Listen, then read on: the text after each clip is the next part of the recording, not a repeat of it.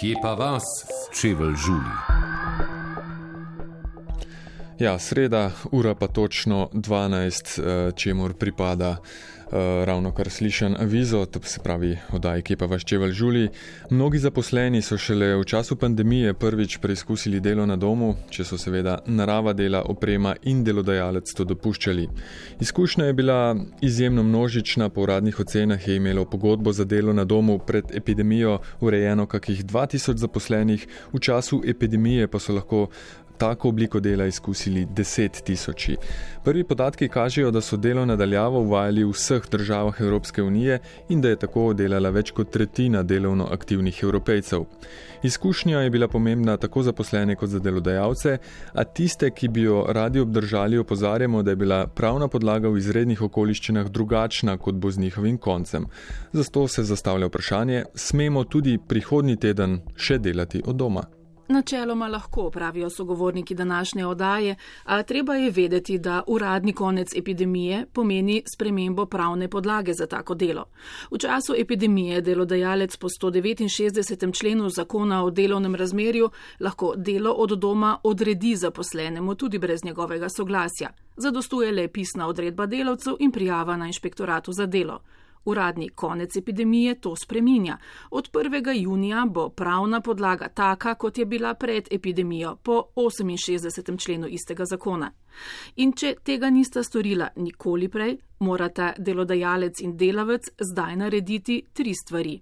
Skleniti novo pogodbo o delu, ki vključuje tudi opredelitev o delu na domu, o takem delu obvestiti inšpektorat za delo in tretje, delodajalec mora delavcu zagotoviti varno delovno okolje. Če do sedaj nismo imeli urejenih razmer, se pravi, se mora vsekakor za posamičen primer pozanimati, eh, kakšne pogoje ima ta delavec eh, doma, kakšne pogoje izpolnjuje za eh, izvajanje dela na domu in vkolikor ni nekaj usklajeno z zakonodajo, potem pač more to popraviti oziroma dopolniti.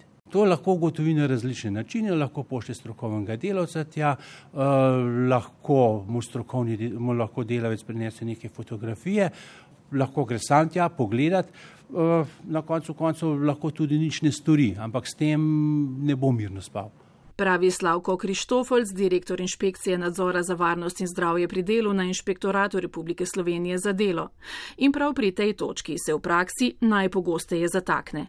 Postane namreč pomembna, če pride do poškodbe na domu in tak primer v iskanju odgovornosti konča na sodišču. Če so bile fotografije, vprašanje, odkot so te fotografije, če je bil strokovni delavec na ogledu doma, potem je on verjetno napisal nek zapisnik, neke ugotovitve v času ogleda in vkolikor se pravi v morebitnem sodnem sporu, če se predloži tak zapisnik, tak obseh, obseh sredstev in tako naprej, potem bi mogoče v sodnem postopku lahko bil delež krivde manjši, kot pa če tega ni. In kaj kaže sodna praksa? je bistvena razlika, kako je delodajalec dokumentiral varnost pri delu. Sodne prakse pa v zvezi s tem nizno nismo seznanjeni, no, to da težko komentiram, kaj je to.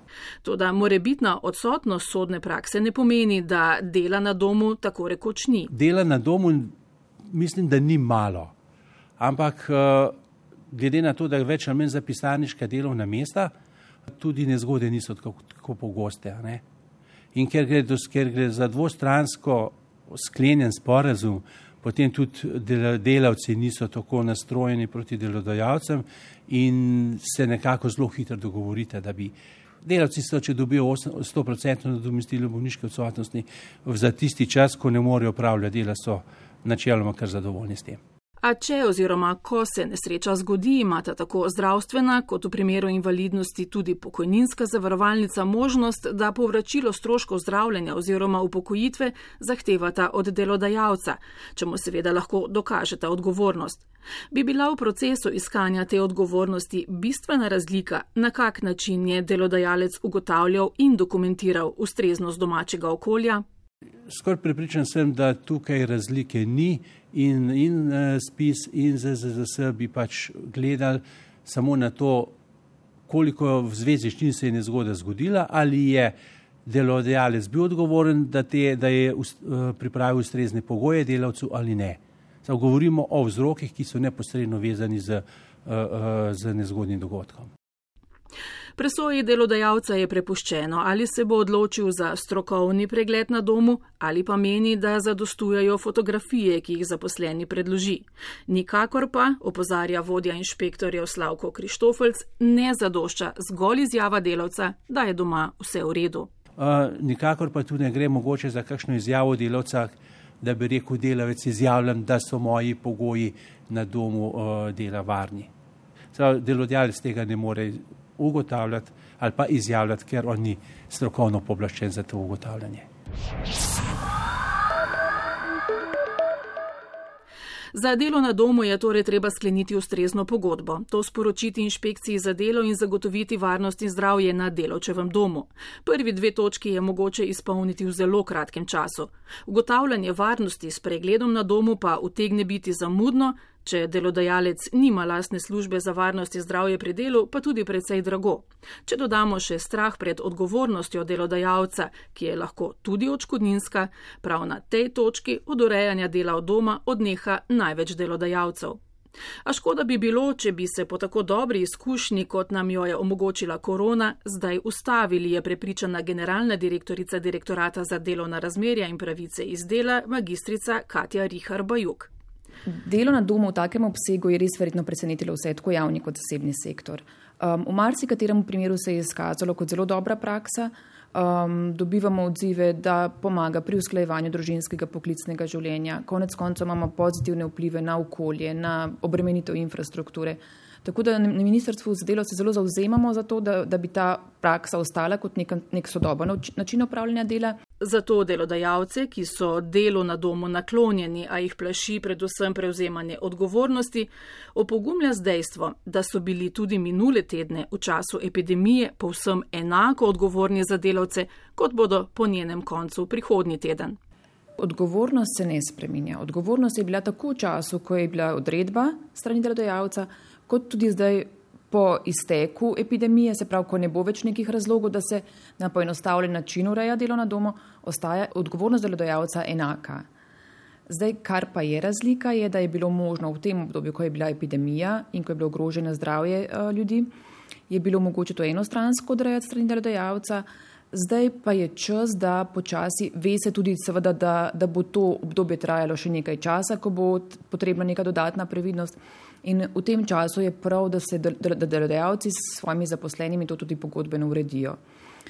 Ne gre za takšen zalogaj, v pogodbi je treba urediti, v bistvu določiti kraj upravljanja dela in pa določene pravice in obveznosti, kar mislim, da je tudi v interesu delavca in delodajalca, ker recimo zdaj pogosto prišlo do nejasnosti, kdaj je delavec lahko dosegljiv, kdaj ni, um, na kakšen obseg dela se opravi vse stvari, ki so v interesu delodajalca in delavca, je dobro opredeliti v pogodbi o zaposlitvi.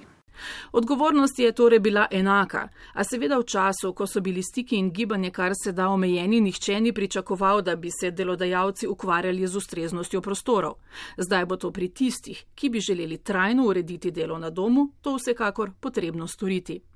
Zdaj, ali je potreben ogled na domu, tukaj res je, da delodajalec je odgovoren, ampak ima pa različne možnosti, kako, na kakšen način uh, to, to preverja. Tukaj imamo možnost, recimo, da gre, bodi si, da gre strokovni delavec na dom, pogleda stvari.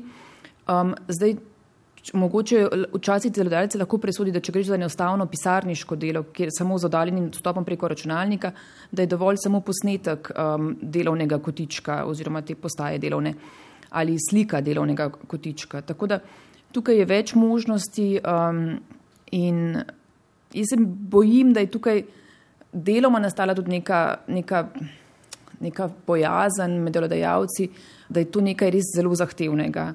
Pogosto bom rekla, slišim tudi, da je potrebno, da gre neka komisija na dom in tako naprej, ampak temu res ni tako. No. Tukaj je kar nekaj možnosti in, in namen tega je pa res, da, da se uh, vidi, da se na delovnem mestu pač opravljajo taka dela, ki so dovoljena. Pregled na domu torej ni pogoj, brez katerega ustrezne pogodbe o delu na domu ne bi bilo mogoče skleniti. Pa vendar, če se kaj zgodi in bo treba ugotavljati odgovornost, se predstavnica ministerstva strinja z inšpektorjem. Pregled doma morda pomeni močnejšo varovalko kot le fotografije. Ampak zdaj, če bo delodajalec tudi na tak način izkazal, da je preveril, da je naredil, kar je potrebno narediti, da je imel delavec jasna navodila, kaj in kako, v tem primeru um, je pač tudi tveganje kakršnokoli za naprejšnje postopke in pa tudi tveganje za varnost in zdravje pri delu manjšene. A kot rečeno, vsaj sogovornikom znane sodne prakse na tem področju pri nas še ni. Slovenija pri iskanju hitrejših poti do več dela upravljenega na domu ne bo osamljena. Že sedaj je naša zakonodaja usklajena z evropsko, zdaj bo lažje primerjati tudi prakse ta izkušnja iz obdobja koronavirusa je tudi neka podlaga. Mi bomo na podlagi tega pogledali postopke, preverili, če bi se res skje dalo karkoli olajšati in tudi na tem naprej gradili politike. Kar bomo po prvi fazi naredili, bomo pa res poskušali, res je kar nekaj takih bojazni, nekatere tudi neutemeljene pojavilo, tako da bomo skušali v prihodnjih tednih zelo dobro informirati delodajalce in delavce, kaj v takih situacijah. In ministrstvo pristojno za delo bo tako delo tam, kjer ga okoliščine omogočajo in kjer bosta s tem soglašala tako delavec kot delodajalec, vsekakor spodbujalo. Mislim, da te nove oblike dela, digitalizacija nam, nam nudi veliko pozitivnih učinkov um, in te treba gotovo izkoristiti.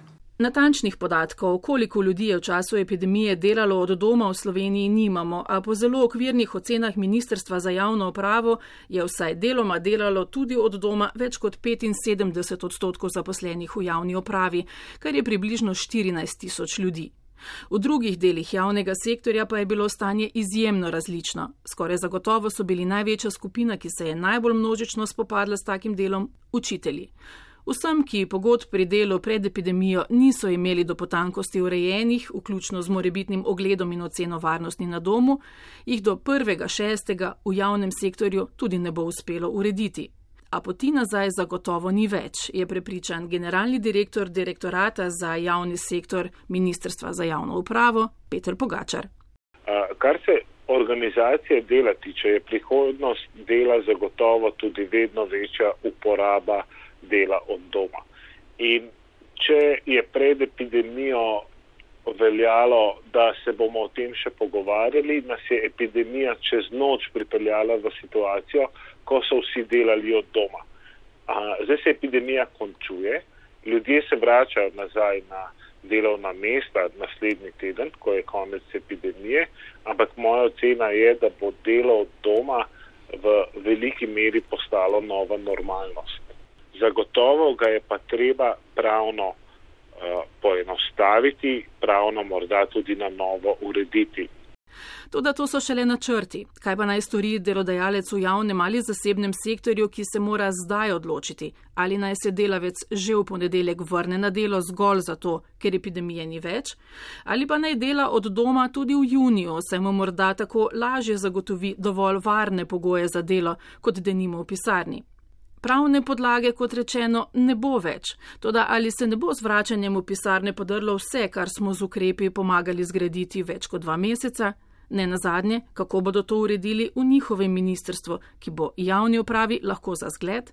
Konkretno na ministrstvu za javno upravo spodbujamo uh, k dogovorom o delu od doma po posameznih dnevih, tako da ne bomo uh, naenkrat vsi prisotni, ampak kot že rečeno, pravna podlaga po 31.5. je druga, je stvar dogovora med delavcem in delodajalcem in ključno je, da delo od doma se bo uporabljalo še naprej, po moji oceni v bistveno večji meri kot pred epidemijo in da eden izmed razlogov za povečan obseg uporabe dela po koncu epidemije je tudi ta, da se ne bi zgodilo, da bi s 1. junijem pa kar naenkrat pisarne uh, na ministrstvih bile spet prenapolnjene, ampak da bodo vendarle vsaj na prostovoljni bazi uh, precejšen delež javnih uslužbencev še naprej opravljali delo od doma. To je pomembno tako zaradi epidemioloških uh, razlogov, kot ne na zadnje zaradi lažjega usklajevanja poklicnega in družinskega življenja. Sam imam kar nekaj sodelavk, katerih otroci očitno ne bodo šli v šolo in si želijo ostati uh, doma, delati od doma, da se lahko pač pomagajo tudi svojim otrokom. Po drugi strani pa so z delom od doma povezana tudi tveganja. Tveganja pa so, kako je z delovnim časom, kdaj se delovni čas posameznika konča, ali to pomeni, da mora biti nadrejenemu dosegljiv 24 ur na dan. To so vse vprašanja, ki bo v nadaljevanju potrebno urediti. Tudi zato, da bi se delodajalci in delavci lažje dogovorili, je bil konec epidemije najavljen dva tedna prej, meni Pogačar. V tem času seveda vsi ne bodo mogli opraviti morebitnega pregleda na domu zaposlenih, če bi se kot delodajalci zanj seveda sploh odločili. Tudi pri odločanju med prenapolnjenimi pisarnami brez možnosti upoštevanja zdravstvenih priporočil na eni strani ali pa za podaljšanje dela na domu brez pregleda na drugi strani, dileme za Petra Pogačarja ni. Pregled z vidika varnosti in zdravja pri delu je izjemnega pomena. Ne na zadnje, delo od doma pomeni samo spremembo lokacije, še zmeri odgovornost za varnost in zdravje pri delu nosi delodajalec. Zato je ta pregled preventivni uh, zelo pomemben. Sam bi predlagal tukaj vendarle nekaj praktičnosti. Pomembno je, da se ta pregled opravi, dejstvo pa, da glede na to, da že dva meseca pa v javni uslužbenec opravlja delo od doma, da se ta pregled opravi čim preje, ne nujno tudi pred samim uh, začetkom opravljanja uh, dela od doma. Vse to se lahko uredi ustrezno v dogovoru med delavcem in delodajalcem. Zavedati se moramo, da po 1. juniju, ko ni več epidemije, je delo od doma stvar soglasja delavca in delodajalca, v katerem imata možnost urediti vsa ta vprašanja. Če je torej bi bila ovira izključno, vsaj če govorimo za javne uslužbence, izključno ta pregled na domu, vi menite, da je smiselno delo na domu ohraniti in to urejati spotoma? Zagotovo delo od doma vzpostaviti na novo, epidemije je konec, delo od doma ni več odrejeno, ampak je stvar dogovora med delavcem in delodajalcem. Je pa seveda priporočljivo, da se eh, tako z vidika obvladovanja epidemije v prihodnosti, z vidika usklajevanja poklicnega in družinskega življenja in ne nazadnje z vidika organizacije dela, delo od doma uporablja v čim večji meri. Boste zdaj po tej izkušnji epidemije tudi v javni upravi oziroma v sektorju javnih uslužbencev pravzaprav to bolj spodbujali, morda celo predlagali kakršne koli spremembe pri poenostavitvi eh, te pravno-formalne ureditve tega dela? Zagotovo. Delo od doma se je v organih državne uprave v času epidemije izkazalo kot uh, zelo učinkovito. Uh, zaposleni smo pridobili na digitalnih spretnostih, naučili smo se organizirati uh, delo. Uh, mi zadnjih pet let govorimo o prihodnosti dela v državni upravi. Epidemija nas je prisilila, da smo prihodnost dela uh, začeli živeti in sam menim, da je večji delež uporabe dela od doma nova normalnost v državni upravi. Ali bodo besede Petra Pogačarja postale preroške za javno upravo, vs javni sektor ali pa seveda tudi za zasebnega, bomo videli. Največ pa bo odvisno od tega, ali bo novemu svetu, v kateremu smo se znašli, kmalo prilagojena tudi zakonodaja. Jana Vidic je bila avtorica ravno kar slišanega o novi normalnosti. Delo na domu je za mnoge nova izkušnja in kljub načelnemu navdušenju je prinesla seveda tudi take delodajalce in delavce, ki si tega nikakor ne želijo več in razlogi za to so zelo različni, ne na zadnje tudi birokracija, pa slabi odnosi, nezaupanje in finančna sredstva, ki jih sploh pri plačilu prevozov na delo tukaj ni več. Ampak za tiste, ki jim ustreza, je več dela na domu zagotovo prihodnost v javnem in zasebnem sektorju, sploh uh, pa ne samo v Sloveniji. Prihodnji teden bo taka vrsta zaposlitve predmet razprave. V OECD s prednostmi in zakonskimi zahtevami bodo svoje člane seznanili na gospodarski zbornici Slovenije, na pristojnih ministrstvih pa bodo v naslednjih nekaj tednih pospešeno poskušali poenostaviti postopke in predvsem razbiti mite.